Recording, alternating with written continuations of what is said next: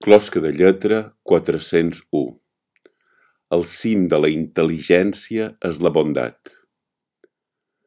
Després de llegir aquesta frase de Proust, tenc el paper en blanc, l'espai buit on sents el silenci, preparat per fer aparèixer el primer tremor, el primer relleu del que vol ser, la ditada primera de la carícia del desig verbal la primera empremta d'una expressió germinativa, el rastre efímer d'una la resurrecta, la primera provatura d'una veu. Recerc, experiment, contempl i m'hi complac en les diccions en veu baixa, en les tonades lleugeres, en els mots a cau d'orella, en les narracions que són fragments de cançó alada que s'escampa en desordre, a la babalà. La paraula és remembrança, i això és una forma d'embregar itineraris entre la por i l'enigma.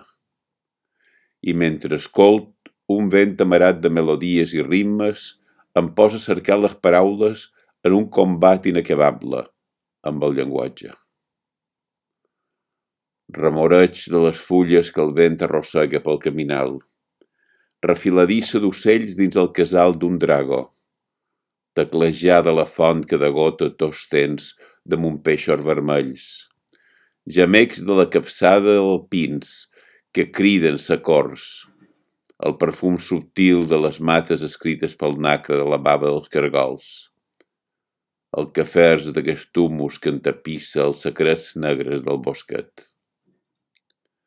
Seguesc guiat per foix, per solanes i obagues, corriols perduts i clapers abandonats, carenes coentes i turons costeruts dins una llum novella que tots tens barata en una investigació de fonts ufanes, escletxes cap al centre del pensament, intersticis dels invisibles, covals dels misteris inestroncables, saves eternes i sense aturall, trescric sempre que puc noms de catacumba amb alfabets inexistents.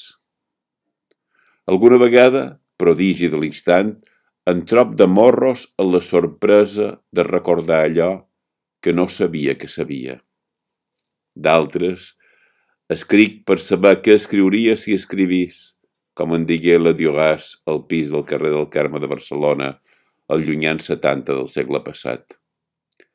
Faig servir teixits apedaçats, murs fets malbé per l'humitat, llençols sergits, teles menjades pel temps, superfícies rentades i retudes, palissades en ruïnes, parets seques, esvoldregades, caus plens de ferum, deserts d'amics, etc.